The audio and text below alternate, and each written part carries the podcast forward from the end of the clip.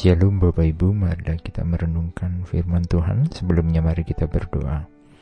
Firman-Mu adalah sumber kekuatan kehidupan kami. Kami hendak merenungkan, kiranya Tuhan menuntun kami. Dalam Tuhan Yesus kami berdoa. Amin. Bacaan saat ini diambil dari 1 Petrus 2 ayat 20 hingga 25. 1 Petrus 2 ayat 20 hingga 25. Sebab dapatkah disebut pujian jika kamu menderita pukulan karena kamu berbuat dosa? Tetapi jika kamu berbuat baik dan karena itu kamu harus menderita, maka itu adalah kasih karunia pada Allah. Sebab untuk itulah kamu dipanggil, karena Kristus pun telah menderita untuk kamu dan telah meninggalkan teladan bagimu supaya kamu mengikut jejaknya ia tidak berbuat dosa dan tipu tidak ada dalam mulutnya. Ketika ia dicaci maki, ia tidak membalas dengan mencaci maki. Ketika ia menderita, ia tidak mengancam, tetapi ia menyerahkan kepada Dia yang menghakimi dengan adil.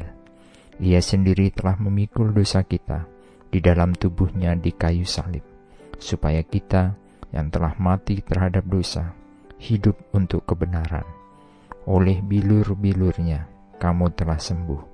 Sebab dahulu kamu sesat seperti domba, tetapi sekarang kamu telah kembali kepada gembala dan pemelihara jiwamu. Menderita karena melakukan suatu perbuatan jahat mungkin kita akan menganggap sesuatu yang wajar. Tetapi jika kita tidak melakukan hal yang jahat, kita masih mendapatkan penderitaan mungkin kita akan menganggap ketidakadilan. Kita akan protes jika kita tidak mampu melakukan apa-apa, kita akan menggerutu dan marah sendiri. Belakangan ini kita banyak mendengar perbuatan tidak menyenangkan terkait SARA, suku, agama, ras, dan antar golongan. Mereka yang mengalami perlakuan itu banyak mengalami penderitaan dan ketidakadilan. Bahkan, negara besar seperti Amerika saja terjadi gelombang protes yang sangat luar biasa ketika terkait perlakuan didasarkan oleh Sarah tadi. Ketidakadilan, penderitaan sudah disampaikan kepada kita sebagai pengikut Kristus. Bahkan sejak awal dikatakan, menjadi orang Kristen itu harus siap menderita. Hal ini tidak menyurutkan pengikutnya, bahkan perkembangan kekristenan semakin besar di dunia saat ini. Kenapa kita harus mengalami penderitaan?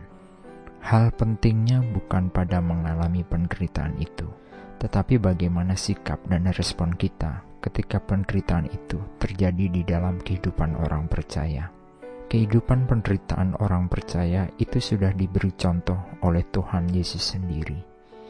Ia yang tidak berbuat dosa harus menderita. Ia memikul segala kesalahan dan dosa kita bahkan mati di salib dan bangkit untuk menebus kita, supaya kita memperoleh hidup dalam kebenaran. Respon inilah yang harus kita punyai sebagai orang percaya. Ketika ada dalam penderitaan, janganlah berbuat dosa. Jangan ada tipu muslihat.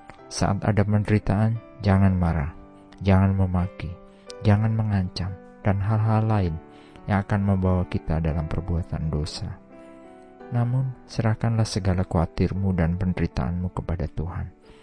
Tuhan itu tahu tidak mudah menjalani hidup yang menderita. Karena itu, Tuhan janjikan, Ia akan bukan hanya memelihara secara fisik, tetapi juga jiwa kita. Betapapun dalamnya lembah penderitaan kita, betapapun beratnya perjalanan hidup kita, tangan kasih Tuhan masih tetap akan mampu menjangkau kita menarik kita keluar, serta menopang kita. Karena ia sendiri pun telah mengalami penderitaan dan meninggalkan teladan bagi kita, supaya kita mengikut jejaknya. Penderitaan hari ini menghasilkan kemuliaan dan kemenangan di hari esok. Amin. Mari kita berdoa. Tuhan kami percaya, Tuhan senantiasa menjagai kehidupan kami jika saat ini kami mengalami banyak pergumulan dan penderitaan. Kami percaya tangan Tuhan menopang kami, bahkan Tuhan menyegarkan jiwa kami, supaya hidup kami tetap bisa memandang ke depan dengan kekuatan yang dari Tuhan. Amin. Tuhan Yesus memberkati. Shalom.